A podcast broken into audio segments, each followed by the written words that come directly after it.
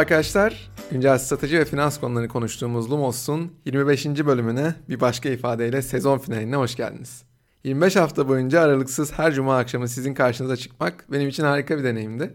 Umarım siz de en az benim kadar keyif almışsınızdır bu yolculuktan. İkinci sezona bir aksilik olmazsa 18 Eylül'de başlayacağım tekrar. Önümüzdeki boşlukta ilk olarak bir sezon değerlendirmesi bölümü sizlerle paylaşacağım. Bu bölümde podcast hazırlık sürecimden, kullandığım ekipmanlardan, kaynaklardan ayrıntı olarak bahsetmeyi planlıyorum. Bu bölümde sizlerin sorusu olursa bunlara da cevap vermeye çalışırım. Ekşi Sözlük ve Apple Podcast üzerinden bıraktığınız değerlendirmeler Lumos'u sosyal medya hesaplarınıza paylaşmanız bu anlamda Lumos'un büyümesine büyük katkı sağlıyor. İkinci sezon Lumos'ta analiz etmemi istediğiniz şirketler üzerine de önümüzdeki günlerde bir anket yapıyor olacağım. Lumos'un tüm bölümlerine, dinleyebileceğiniz tüm platformlara ve podcast'in tam metnine lumos.net üzerinden ulaşabilirsiniz. Dikkatimi çeken güncel gelişmeleri kısa yorumlarla takip etmek isterseniz de sizleri Lumos'un Twitter, LinkedIn ve Instagram hesaplarında bekliyorum. 4 bölüm önce başladığımız sosyal medya serimizin bu hafta sonuna gelmiş durumdayız. Twitter, Facebook, Snap, bütün bunlardan sonra bu hafta konuğumuz son dönemin en popüler uygulaması haline gelen TikTok. Bu hafta bölümü hazırlanırken şanslı şekilde favori blogum Strateker'de TikTok ile ilgili bir yazı yayınlandı. Ayrıca Musical.ly uygulamasının kurucularından Alex Zone'un geçmiş yıllarda verdiği röportajlar bölümü hazırlarken gerçekten çok yol gösterici oldu bana. Wondery'nin Business Wars isimli podcast serisinin işlediği başlıklardan biri de Facebook ve Snapchat savaşıydı. Orada da TikTok'un işlendiği bir bölüm vardı. O da bana önemli katkı sağladı bu bölümü hazırlarken. Bunun dışında sevgili Aykut Balcı Dünya Trendleri isimli çok güzel bir podcast hazırlıyor. 22. bölümde konu Hande Aydın ile TikTok'un ilginç ve müthiş dünyasını masaya yatırmışlardı. Tüm bu kaynakların linklerini paylaşıyor olacağım. Hepsine bir göz atmanızı tavsiye ediyorum. TikTok'un hikayesini dört parçaya ayırarak incelemeye çalışacağız bugün. İlk olarak 2014 yılına gidip Musical.ly günlerini analiz edeceğiz beraber. İkinci kısma geçtiğimizde Musical.ly'i satın alan ByteDance'in üçlü yanlarına bakıp neden bu satın almayı yaptığını çözümleyeceğiz. Musical.ly'nin TikTok ile birleşmesinden ortaya çıkan sinerjinin büyüklüğüne ve nasıl dünyanın en çok kullanılan sosyal medya platformlarından biri haline dönüştüğünü anlamaya çalışacağız. Üçüncü kısımda ise TikTok'un güvenlik problemleri üzerinden şekillenen güncel durumuna bakıyoruz. Son kısma geçtiğimizde ise şirketin metriklerine bakıp gelecek üzerinde kehanetlerle bulunarak podcast'i bitiriyoruz. Hadi başlayalım.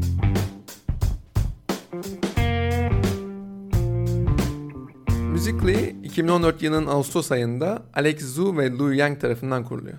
Alex Zhu o dönem SAP'de proje yöneticisi olarak çalışıyor. Hatta şirketin eğitim fütüristi ünvanına da sahip. Coursera, EDX gibi büyük eğitim platformlarının patlama yaşandığı bir dönemde o dönem. Herkes büyük bir merakla ve heyecanla dünyanın en iyi üniversitelerinden dersler almaya çalışıyordu. Hatırlıyorsunuzdur muhtemelen. Herkes derslere kayıt oluyordu ama ders tamamlayanların sayısı çok azdı. Alex Zhu buradaki problemi çözebilecek milyar dolarlık bir fikre sahip olduğuna inanıyordu. Twitter ile Coursera'yı birleştiren bir sosyal medya yaratma fikri vardı. İkili 250 bin dolarlık bir seed yatırım alarak yola koyuldular. Sisada isimli kısa eğitim videolarından oluşan sosyal medya yaratma fikri teoride başarılı görünüyordu. Kullanıcılar en kompleks konuları da yeni bir yemek pişirmeyi de yabancı bir dili konuşmayı da 5 dakikalık videolarla öğreneceklerdi. Her gün işe gidip gelirken 5 dakikanızı bir konu öğrenmek için harcadığınızda bir süre sonra bir uzman haline geliyordunuz. Ancak uygulamanın başarılı olmasının önünde küçük bir engel vardı. Kim uzman olarak bu videoları yaratacaktı? Bu kadar kısa sürede herhangi bir konuyu açıklamak göründüğünden çok daha zordu. İçerik oluşturmak için bu kadar çaba sarf ettiğiniz bir platformun kullanıcı etkileşiminden büyümesi hiç kolay değil. Alexu eğitim içerikli bir video hazırlamak için saatler harcaması gerektiğini fark ettiğinde başarısız olmaya mahkum bir uygulamaya sahip olduklarını anlamıştı. Başarısızlıkla yüzleştiklerinde ikili oluşturdukları platformu nasıl kullanabilecekleri üzerine düşünmeye başladılar. Bu başarısızlıktan çıkardıkları dersler de vardı. Bu dersleri Alex Zhu verdiği röportajlarda çok güzel anlatmış. Çıkardıkları ilk ders içeriğin kullanıcılar tarafından yaratıldığı yani user generated content platformlarda içeriğin olabildiğince hafif olması gerekiyor. Hafiflik kavramını biraz açacak olursak içerik hem çok kolay oluşturulabilmeli hem de çok hızlı tüketilebilmeli. Burada saatlerden, dakikalardan bahsetmiyorum. Saniyelerden bahsediyorum. İkinci çıkardıkları ders de yeni bir girişimin insan doğasını değiştirmek yerine takip etmesinin gerektiğiydi. İnsanlar işe gidip gelirken bir şeyler öğrenmek yerine oyun oynamayı, video izlemeyi tercih ediyorlardı. eğlence uygulamalarının eğitim uygulamalarından çok daha iyi performans göstermesinin en büyük nedeni de buydu. Yine bu süreçten çıkardıkları bir başka derste yarattığınız uygulamayı ilk kullananlar genç olduğunda özellikle 13-19 yaş arasındaki kullanıcılar uygulamanın başarı şansı da otomatik olarak artıyordu. Çünkü bu kullanıcıların zamanları vardı, yaratıcıydılar ve dijital dünyanın içinde doğmuş durumdaydılar. Eğer bu kullanıcıları etkilemeyi başarırsanız ürün ağızdan ağza yayılarak size çok hızlı bir büyüme şansı veriyordu. Müzik gibi pop kültürüyle ilgili konular gençlerin ilgisini çekmeyi de kolaylaştırıyordu. Başarısız Sisada girişimi sonrası eğlencenin merkeze alındığı, kısa videoların paylaşıldığı bir uygulamaya dönüştüler. Bildikleri tek şey vardı. Video tabanlı bir sosyal medya yaratacaklarsa video yaratma sürecinin olabilecek en kolay hale getirilmesi gerekiyordu.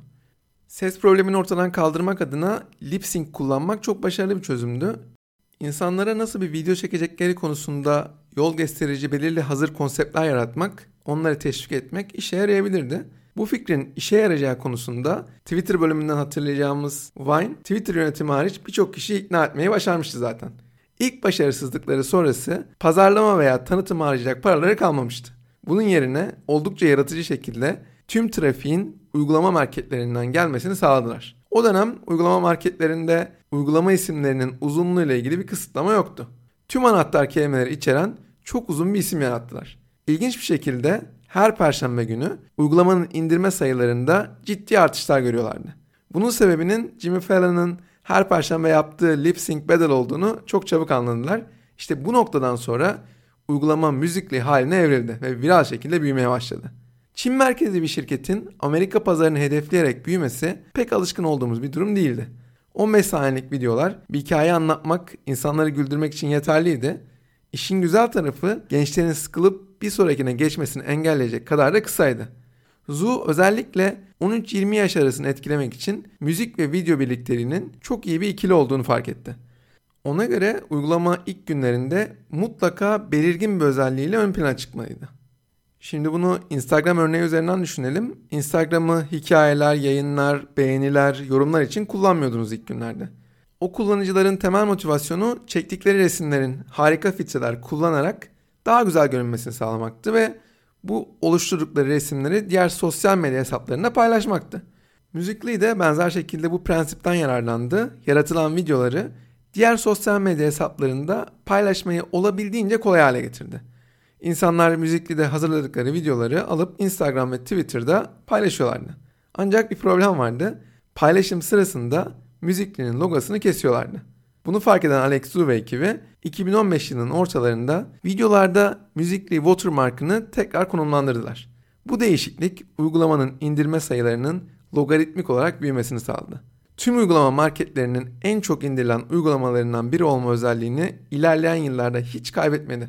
Müzikli, Vine ya da Dubsmash gibi yeni bir lip sync uygulaması olmadığını insanlara göstermeye başlamıştı. Müziklinin iyi yaptığı şeylerden bir diğeri de ilk günlerinden itibaren kullanıcıların ne düşündüğünü öğrenmek için yüzlerce kullanıcıdan oluşan bir WeChat grubuna sahip olmasıydı. Ekip herhangi bir geliştirme yapmadan önce bu kullanıcılardan gelen geri dönüşlere göre ilerliyordu. Bu da onlara ciddi zaman kazandırıyordu. Yine Alex Su verdiği röportajlarda topluluk oluşturmayı yeni bir kara parçası keşfetmeye benzeterek oldukça yaratıcı bir yaklaşımda bulunuyor. Diğer ülkelerde yaşayan insanları bu yeni kurulan ülkeye yerleşmeleri için ikna etmeniz gerekiyor. Amerika'nın kuruluşunu örnek veriyor bu anlamda. Musical.ly'i Amerika'nın ilk günlerine benzetiyor. Instagram ve Facebook ise o dönemki Avrupa. İnsanları Avrupa'dan Amerika'ya taşınmaları konusunda nasıl ikna edersiniz? Bu önemli bir soru. Ortalama bir Avrupa vatandaşının kendi ülkelerine kalarak sosyal sınıfta yukarı doğru çıkma şansları yok. Amerika Avrupalıları ikna etmek için kendi ülkelerine taşındıklarında sosyal statülerini yükseltmelerine izin vererek bunu başarmıştı. Yani ilk günlerde merkezi bir ekonomi inşa etmek oldukça mantıklı. Servetin küçük bir yüzeye dağıtılması o insanların rol model olmasını sağlıyor. Bu da çoğunluğu çekmek konusunda oldukça etkili oluyor. Avrupa'daki normal insanların Amerika'ya taşındıktan sonra zengin olması Avrupa'dan daha fazla insanın Amerika'ya gitmesini sağlıyor. İlk kullanıcıların ürününüzden oldukça hızlı bir şekilde fayda sağlaması da bu anlamda mükemmel bir strateji olarak karşımıza çıkıyor. Belirli bir büyüklüğe ulaştıktan sonra ise ekonomiyi merkezden uzaklaştırma vaktiniz geliyor. Yarattığınız dünyada orta sınıfın başarılı olma şansı kesinlikle olmalı. Her kullanıcıyı içerik oluşturma ve tüketme konusunda memnun etmek zorundasınız. Çoğu insan ünlü olmak için sosyal medya platformuna katılıyorlar.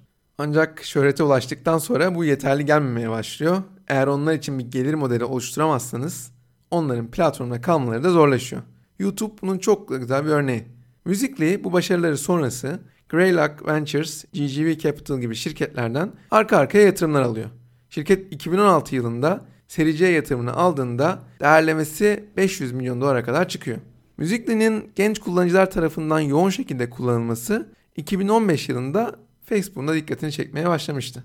Artık hepimizin tahmin edeceği gibi Zuckerberg Müzikli'yi satın alma girişiminde bulunsa da muhtemelen regülasyon ayını alamayacağını düşünerek uygulamayı almaktan vazgeçmişti.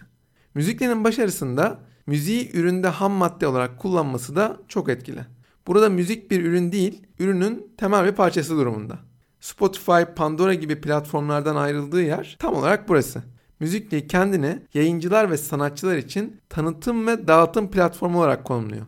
Bu noktada Jason Derulo çok güzel bir örnek. Jason Derulo şarkılarını resmi olarak yayınlamadan önce Müzikli'ye koyuyor.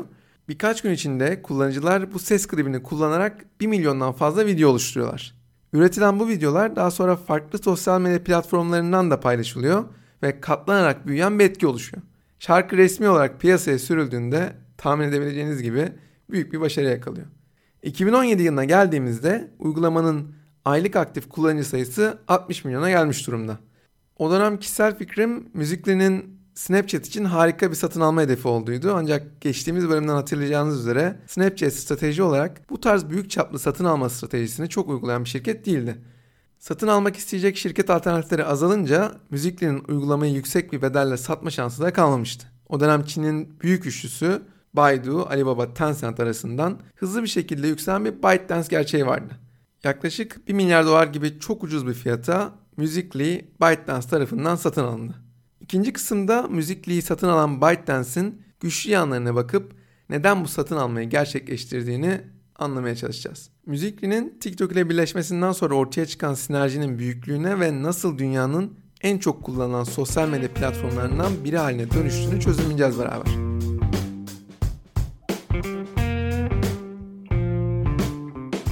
ByteDance'in öneri algoritmasıyla Müzikli'nin bağımlılık yaratan teknolojisinin birleşimi mükemmel bir birliktelik olarak görünüyor zaten.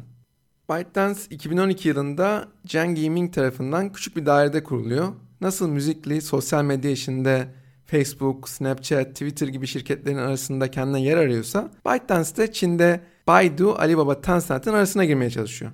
ByteDance, Tutao isimli haber uygulamasını da o yılın sonunda piyasaya sürüyor.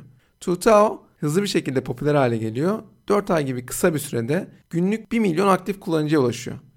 ByteDance'ın büyümesinde Alibaba'nın 2014 yılında yaptığı yaklaşık 25 milyar dolarlık halka arzın çok önemli bir etkisi var. Alibaba'nın Amerika'da rekor halka arzı sonrası daha fazla uluslararası yatırımcı Çin pazarından çıkacak benzer başarı öykülerini aramaya başlıyor. Bu doğal sermaye akışından en çok yararlanan şirket kim? Evet tahmininiz doğru. ByteDance. Bu kadar geç ortaya çıkan bir teknoloji şirketinin yatırımcıları arasında Alibaba ya da Tencent olmamasının sebebi de bu. ByteDance ilk iş olarak Müzikli'yi kendi uygulaması TikTok ile birleştiriyor. 2018 yılında 75 milyar dolar değerleme üzerinden aldığı 1.45 milyar dolarlık yatırım ByteDance'ı artık Devler Ligi'nin bir oyuncusu yapıyor. Bugün viral video uygulaması TikTok uluslararası sahnede ByteDance'in en tanınmış ürünü olsa da şirketin haber uygulamasından aramaya, müzikten mobil oyunlara, internet dünyasının en gözde sektörlerinde 20'den fazla ürüne sahip olduğunu görüyoruz.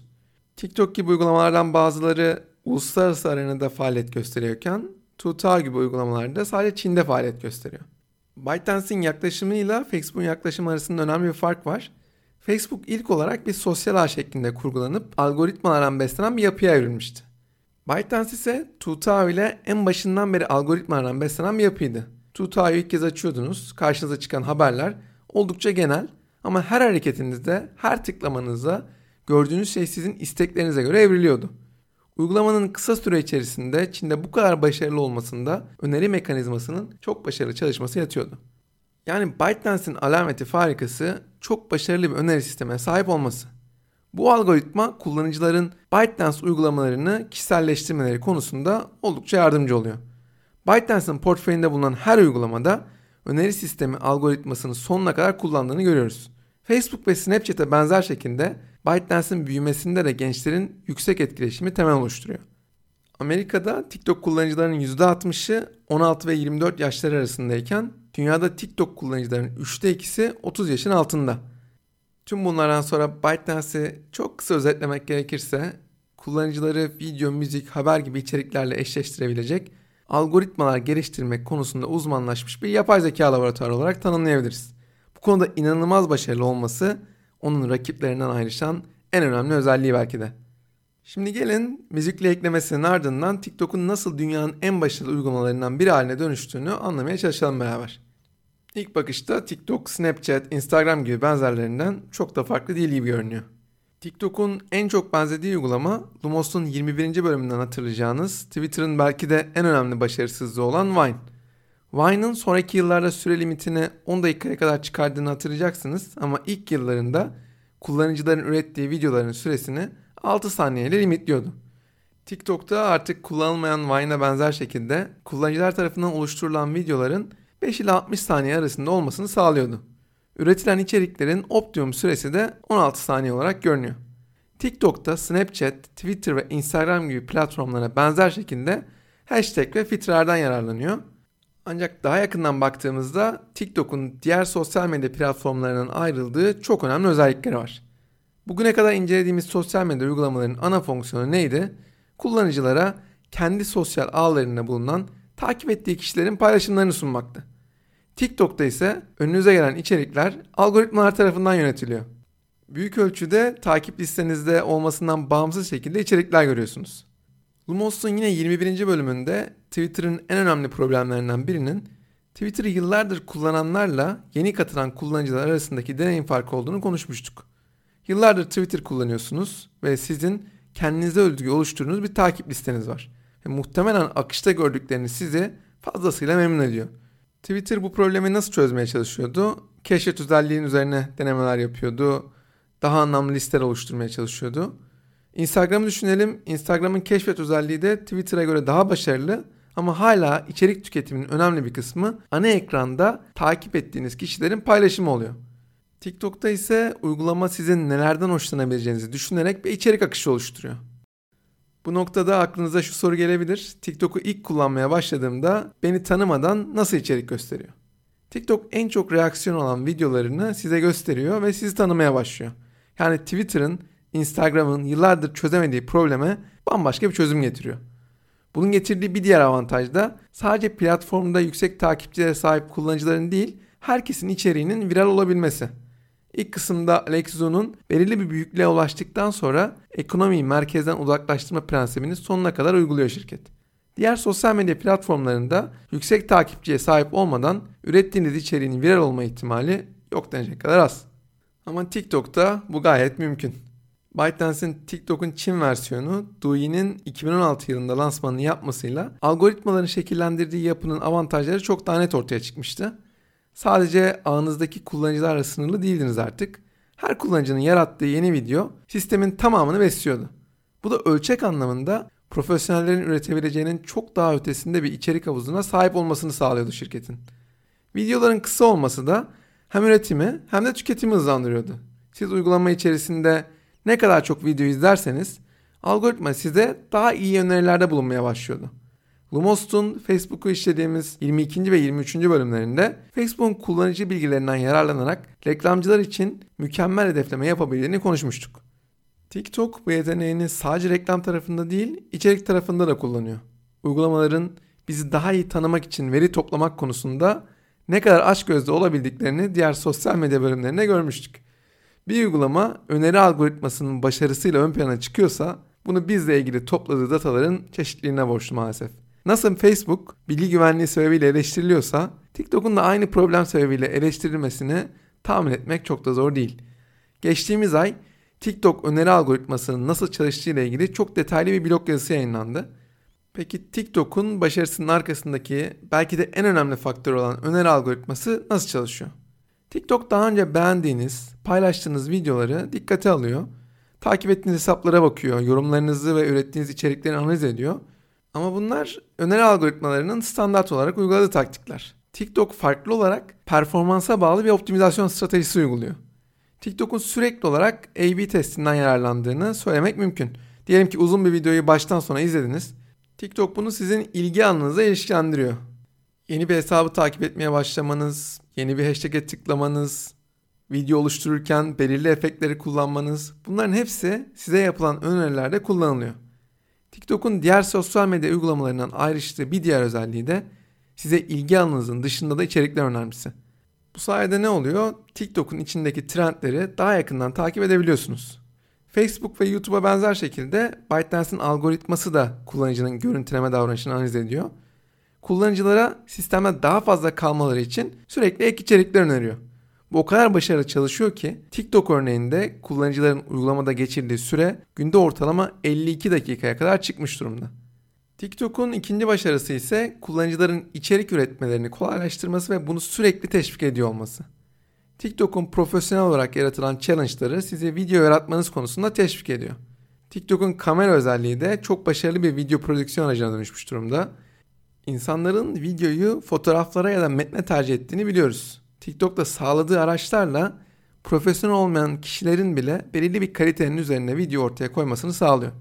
TikTok'un algoritması da bu videoları çok fazla kişiye erişilebilir hale getiriyor. TikTok'u kullanmayan insanların düştüğü en büyük yanılgı video oluşturmayı karaoke yapmaya benzetmeleri. Karaoke deneyimini düşünelim. Gerçekten viral şekilde izlenebilmesi için ya sesi çok iyi olanlar ya da çok kötü olanlar karaoke yapmalı. Bunun dışındaki büyük çoğunluğun sıkıcı videolar oluşturması kuvvetle muhtemel. TikTok bunun yerine sesi tamamen hazır olarak kullanımınıza sunarak lip sync yapmanızı sağlıyor. Ses kirliliği ortadan kalktığı için de karaoke'den çok daha eğlenceli ve komik görüntüler ortaya çıkıyor. TikTok'un yükselişi Facebook'un Snapchat tehdidinden de doğru dersleri çıkarmadığını gösteriyor bizlere. Facebook her zaman kullanıcıların yarattığı içeriklerden beslendi ama yazı tarafında Facebook üzerinden, fotoğraf tarafında da Instagram üzerinden yakaladığı başarının benzerini video tarafında bir türlü yakalayamadı. Video üretiminin zorluğunu düşünerek bunun büyüme ihtimalinin az olduğunu düşünüyordu. Instagram filtreleri yardımıyla tüm fotoğrafların belirli bir kalitenin üzerinde görmesini sağlayabiliyordunuz. Ama bunu video tarafında yapmak çok kolay değildi. Video oluşturmak için belli açılardan bir yeteneğe ve doğru bir planlama yapmaya ihtiyacınız olduğu kesindi. Snap'in arttırılmış gerçeklik üzerinden küllerinden doğma hikayesini Lumos'un 24. bölümünde uzun uzun konuşmuştuk. TikTok ise güzel video yaratmayı daha önce hiçbir uygulamanın başaramadığı şekilde kolaylaştırarak rakiplerinden ayrışıyor.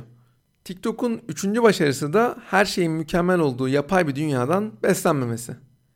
Tüm kullanıcıların olabildiğince doğal şekilde içerik üretmesi, estetik kaygıların yerine eğlencenin alması mükemmel bir ortam yaratmış durumda. Bu sayede video üretiminin de önündeki eşikler ortadan kalkıyor.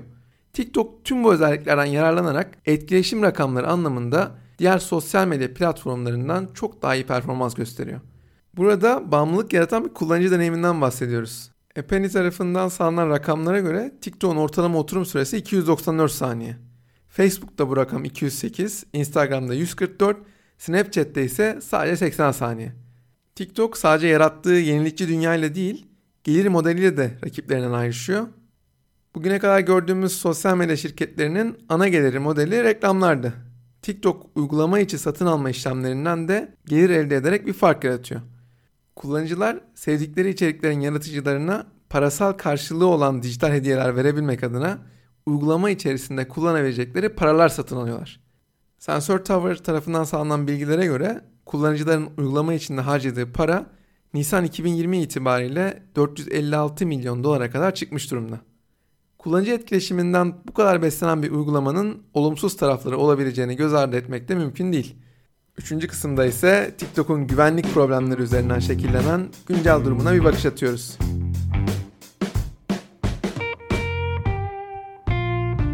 TikTok'un veri toplamak konusunda sınırları ne kadar zorladığını Reddit'te yapılan paylaşımlar sonrasında net olarak görmüştük. TikTok'un hangi verileri nasıl ve ne miktarda izlediği, kaydettiği geçtiğimiz ay bir Reddit kullanıcısının dikkatini çekmişti. Çok güzel bir tersine mühendislik örneğiyle uygulamanın topladığı verileri hepimize gösterdi. TikTok kullandığımız telefonun tüm donanım bilgisinden bugüne kadar hangi uygulamaları kullandığımıza, internet bağlantımızla ilgili her türlü bilgilere, telefonumuzun yazılımsal olarak herhangi bir işleme tabi tutulup tutulmadığına kadar bizle ilgili birçok veriyi topluyor. Ayrıca uygulama arka planda çalışmazken bile her 30 saniyede bir kullanıcının konum bilgisine erişip depoluyordu. Halihazırda insanların toplanan veriler konusunda bu kadar hassas olduğu bir ortamda TikTok'un kullanıcı gizlilerine yaklaşımı problemi daha da evlendirdi. Reddit CEO'su ve kurucu ortağı Steve Huffman, TikTok'un kullanıcıları izleme teknolojisini dehşet verici olarak tanımlamıştı. TikTok'un 13 yaşın altındaki kullanıcılar tarafından oluşturan içeriği silme sözünü yerine getirmediğine dair raporlarda hala güncelliğini koruyor. Data toplamak konusunda Facebook'un sınırları ne kadar zorladığını Lumos'un Facebook bölümlerinde konuşmuştuk. Bunun dışında Windows'ta ya da macOS dünyasında geleneksel uygulamaların bilgisayarımıza tam erişimi olduğunu bazen göz ardı ediyoruz. Peki TikTok'un bunlardan farkı ne? Biraz kulağınıza garip gelecek ama TikTok'un temel farkı bir Çin şirketine ait olması. Çinli internet şirketleri hükümetin talep ettiği tüm verileri sadece Çin içinde değil tüm dünyadan da sağlamaya mecburlar. Bu veri talebinin yasalarla şekillendirilmiyor olması da durumu biraz daha çetrefilli hale getiriyor. Çin gibi bilgi toplamanın ulusal bir öncelik halinde olduğu devletler için internet üzerinden gelen verilerin ne kadar değerli olabileceğini bir düşünün. Yani sonuç olarak eğer istenmesi durumunda topladığı verileri paylaşmaktan başka bir çaresinin olduğunu düşünmek fazla naif olur. Ama bunun benzerini Amerika'daki şirketler yapmıyor mudur? Bu sorunun cevabını düşünmek üzere gelecek sezona bırakalım beraber. Çin nasıl Amerikalı devletlerin uygulamalarına izin vermiyorsa biz de Çinli uygulamalara izin vermemeliyiz görüşünün ağır bastığını söylemem gerek. Peki neden şimdi? TikTok'un eskiye göre çok daha fazla eleştirilmesinde Amerika'daki pazar payının artmasının büyük etkisi var. Facebook'un rekabet konusunda ne kadar agresif olduğunu Lumos'un son 3 bölümünde detaylı şekilde görmüştük. Mark Zuckerberg'ün her fırsatta TikTok'un ulusal bir güvenlik tehdidi olduğunu söylemesi hiç boşuna değil. Bütün bunların doğal etkisinde ne yaşanmış olabilir? Amerika'da TikTok'un gizlilik politikası üzerine soruşturma başlatıldı. Hatta kullanıcı verilerinin nasıl kullanıldığı ile ilgili şüphelerin varlığı sebebiyle de ulusal güvenlik soruşturması başlatılması da konuşuluyor. TikTok'un politik olaylar karşısındaki tutumu da bu problemlerin ateşini yükseltiyor aslında. Herkesin kolaylıkla fark edebileceği sansürler uyguluyor. Nedir bunlar? Mesela Black Lives Matter, George Floyd hashtaglerinin kapatılması, Hong Kong protestoları ile ilgili içeriklerin tamamen sansürlenmesi, Houston Rockets basketbol takımının TikTok tarafından sansürlenmesi. Bunların hepsi geçtiğimiz dönemde yaşadığımız olaylar. Tabi olay sadece sansürle sınırlı kalmayıp propagandaya da evrilebilir. Gücünü algoritmalardan alan, sizi sosyal ağınız ve profesyonel içerik üreticilerle kısıtlamayan TikTok'un kimseye fark ettirmeden istediği videoyu bize sunabilme özgürlüğünün olması da belli açılardan korkutucu. Çin'in dünyadaki kötüleşen diplomatik ilişkilerinin kurbanı olma tehlikesini en fazla yaşayan şirket ByteDance. Peki ByteDance açısından Amerika dışında bir problem var mı? ByteDance açısından Amerika dışında bir başka problem de Hindistan. Hindistan, ByteDance için en önemli uluslararası pazarlardan biri. Hindistan ve Çin arasındaki gerginlik Haziran ayında Himalayalar sınırındaki 20 Hintli askerin ölümünden beri sıcaklığını koruyor. Bu olayın tetiklemesiyle Hindistan hükümeti 59 Çinli uygulamanın kullanıcı verilerini gizlice Hindistan dışındaki sunuculara aktardıklarını söyleyerek bu uygulamalara yasak getirdi. Sensör Tower tarafından paylaşılan tahminlere göre TikTok Hindistan'da 600 milyondan fazla indirilmiş durumda. Amerika'da uygulamanın 165 milyondan fazla indirildiğini düşündüğümüzde Hindistan'ın rakamları daha da etkileyici hale geliyor. Bu karar Alibaba, Tencent ve Baidu dahil olmak üzere Çin'in önde gelen teknoloji şirketlerin hepsini negatif etkilemiş durumda. Ama bundan açık ara negatif etkilenen şirket ByteDance.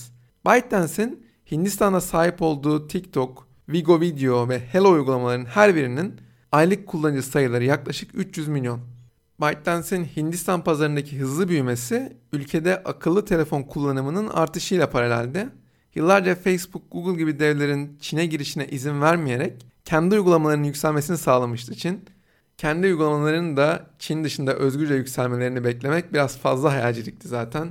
Yıllardır Huawei'in Truva olarak görülmesinin temelinde de aslında bu var. Peki TikTok ve ByteDance açısından gelecek nasıl görünüyor? Podcast'in son kısmında bu soruya cevaplar arayacağız beraber.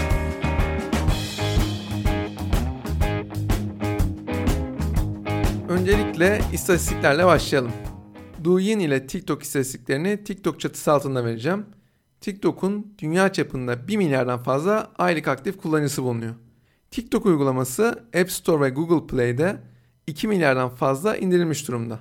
TikTok kullanıcıları uygulamada günde ortalama 52 dakika geçiriyorlar.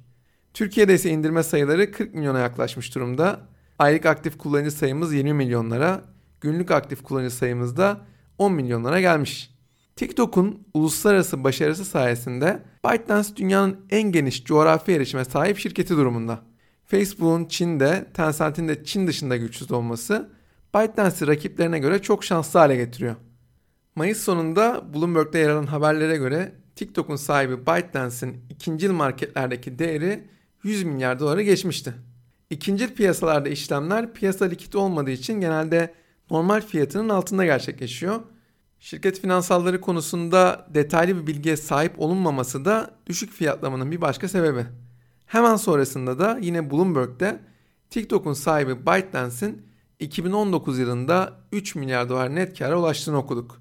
Habere göre şirketin olası IPO değeri 150 milyar dolar ile 180 milyar dolar arasında bir seviyeye ulaşmıştı.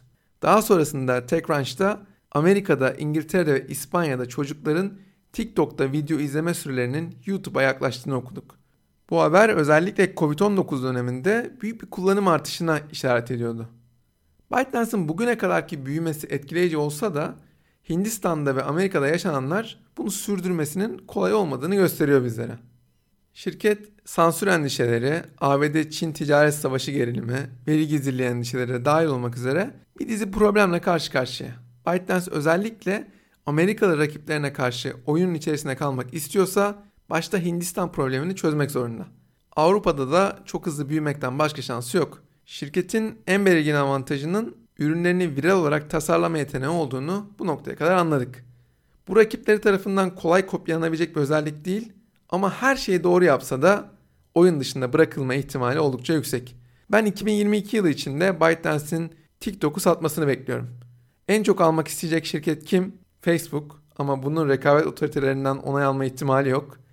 Belki TikTok'un Çinli olmayan yatırımcılara satışıyla ara bir çözümde bulunabilir. Facebook'un TikTok'u satın alması mümkün olmadığı için yasaklanmasına yönelik yoğun çaba sarf ettiğini önümüzdeki günlerde de göreceğiz. Mark Zuckerberg'ün TikTok'u her fırsatta ulusal güvenlik tehdidi olarak anlatmasının sebebini geçtiğimiz Facebook bölümlerinden hissettiğinizi tahmin ediyorum. TikTok yasaklansa bu işten kimler karlı çıkar? Evet tahmininiz doğru. Snap ve Facebook. Facebook TikTok'a rakip olabilmek adına Instagram'da Reels isimli özelliğiyle yeni kozunu da oynamaya hazırlanıyor. Facebook Snapchat'e rakip olmak için çıkardığı o Pog ve Slingshot uygulamalarında çok büyük bir hayal kırıklığı yaşamıştı. Benzer şekilde TikTok karşısında sürdüğü Lasso da başarısız olmuştu. Facebook ne zaman ki hali hazırda başarılı olan ürününe Story gibi Snapchat'in de çok başarılı özelliklerini eklemeye başladı, o zaman fark yarattı. Instagram'da Reels isimli özelliğinin de bu anlamda başarı şansı yüksek.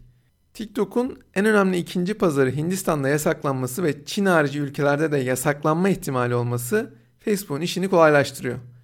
Reels lansmanı zamanlama olarak mükemmel görünüyor ancak TikTok göründüğünden çok daha büyük bir rekabet avantajına sahip. Tamamen yasaklanmadığı sürece onu tahtından indirmek bu kadar kolay olmayacaktır. ByteDance insanları uluslararası bir şirket olduğuna ikna etmek adına stratejik işe alımlarda gerçekleştirmeye devam etmek zorunda.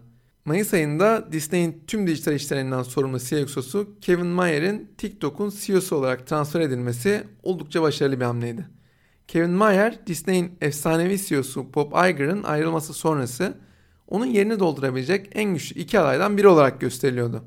Ben kişisel olarak Kevin Mayer'in Bob Chapek'e göre çok daha iyi bir aday olduğunu düşünüyordum. Ancak Disney Yönetim Kurulu tercihini Bob Chapek'ten yana kullanınca Kevin Mayer de TikTok'un başına geçti. Kevin Mayer, ByteDance'in her geçen gün daha fazla hissettiği o diplomatik gerilimlere çözüm olabilecek bir isim. ByteDance işe alım konusunda agresif bir yaklaşıma da sahip, en iyi yetenekler için en yüksek maaşı vermek konusunda açık ara rakipsiz. Hatta Çin'deki rakiplerinin en iyi çalışanlarını almak adına milyon dolarlık tazminat ödemekten bile kaçınmıyor. Belki bu stratejiyi Amerika'da da uygulayarak ara çözümler bulabilir. Artık yavaş yavaş podcast'in sonuna geldik. Sonuç olarak TikTok kullanıcıların içerikle etkileşim kurmalarını sağlamak konusunda gelmiş geçmiş en başarılı uygulama. Covid-19 döneminde tüketicilerin sosyal medya alışkanlıklarının değişmesi ve mobil cihazlarına her zamankinden daha fazla ilgi göstermeleri TikTok'un popülaritesine önemli katkı sağladı. ByteDance'in bugüne kadarki büyümesi etkileyici olsa da Hindistan'da ve Amerika'da yaşananlar bunu sürdürmesinin kolay olmadığını gösteriyor bizlere. Önümüzdeki dönemde TikTok'un belirsiz geleceğini yakından izlemeye devam edeceğiz. Bir sonraki bölümde görüşmek üzere.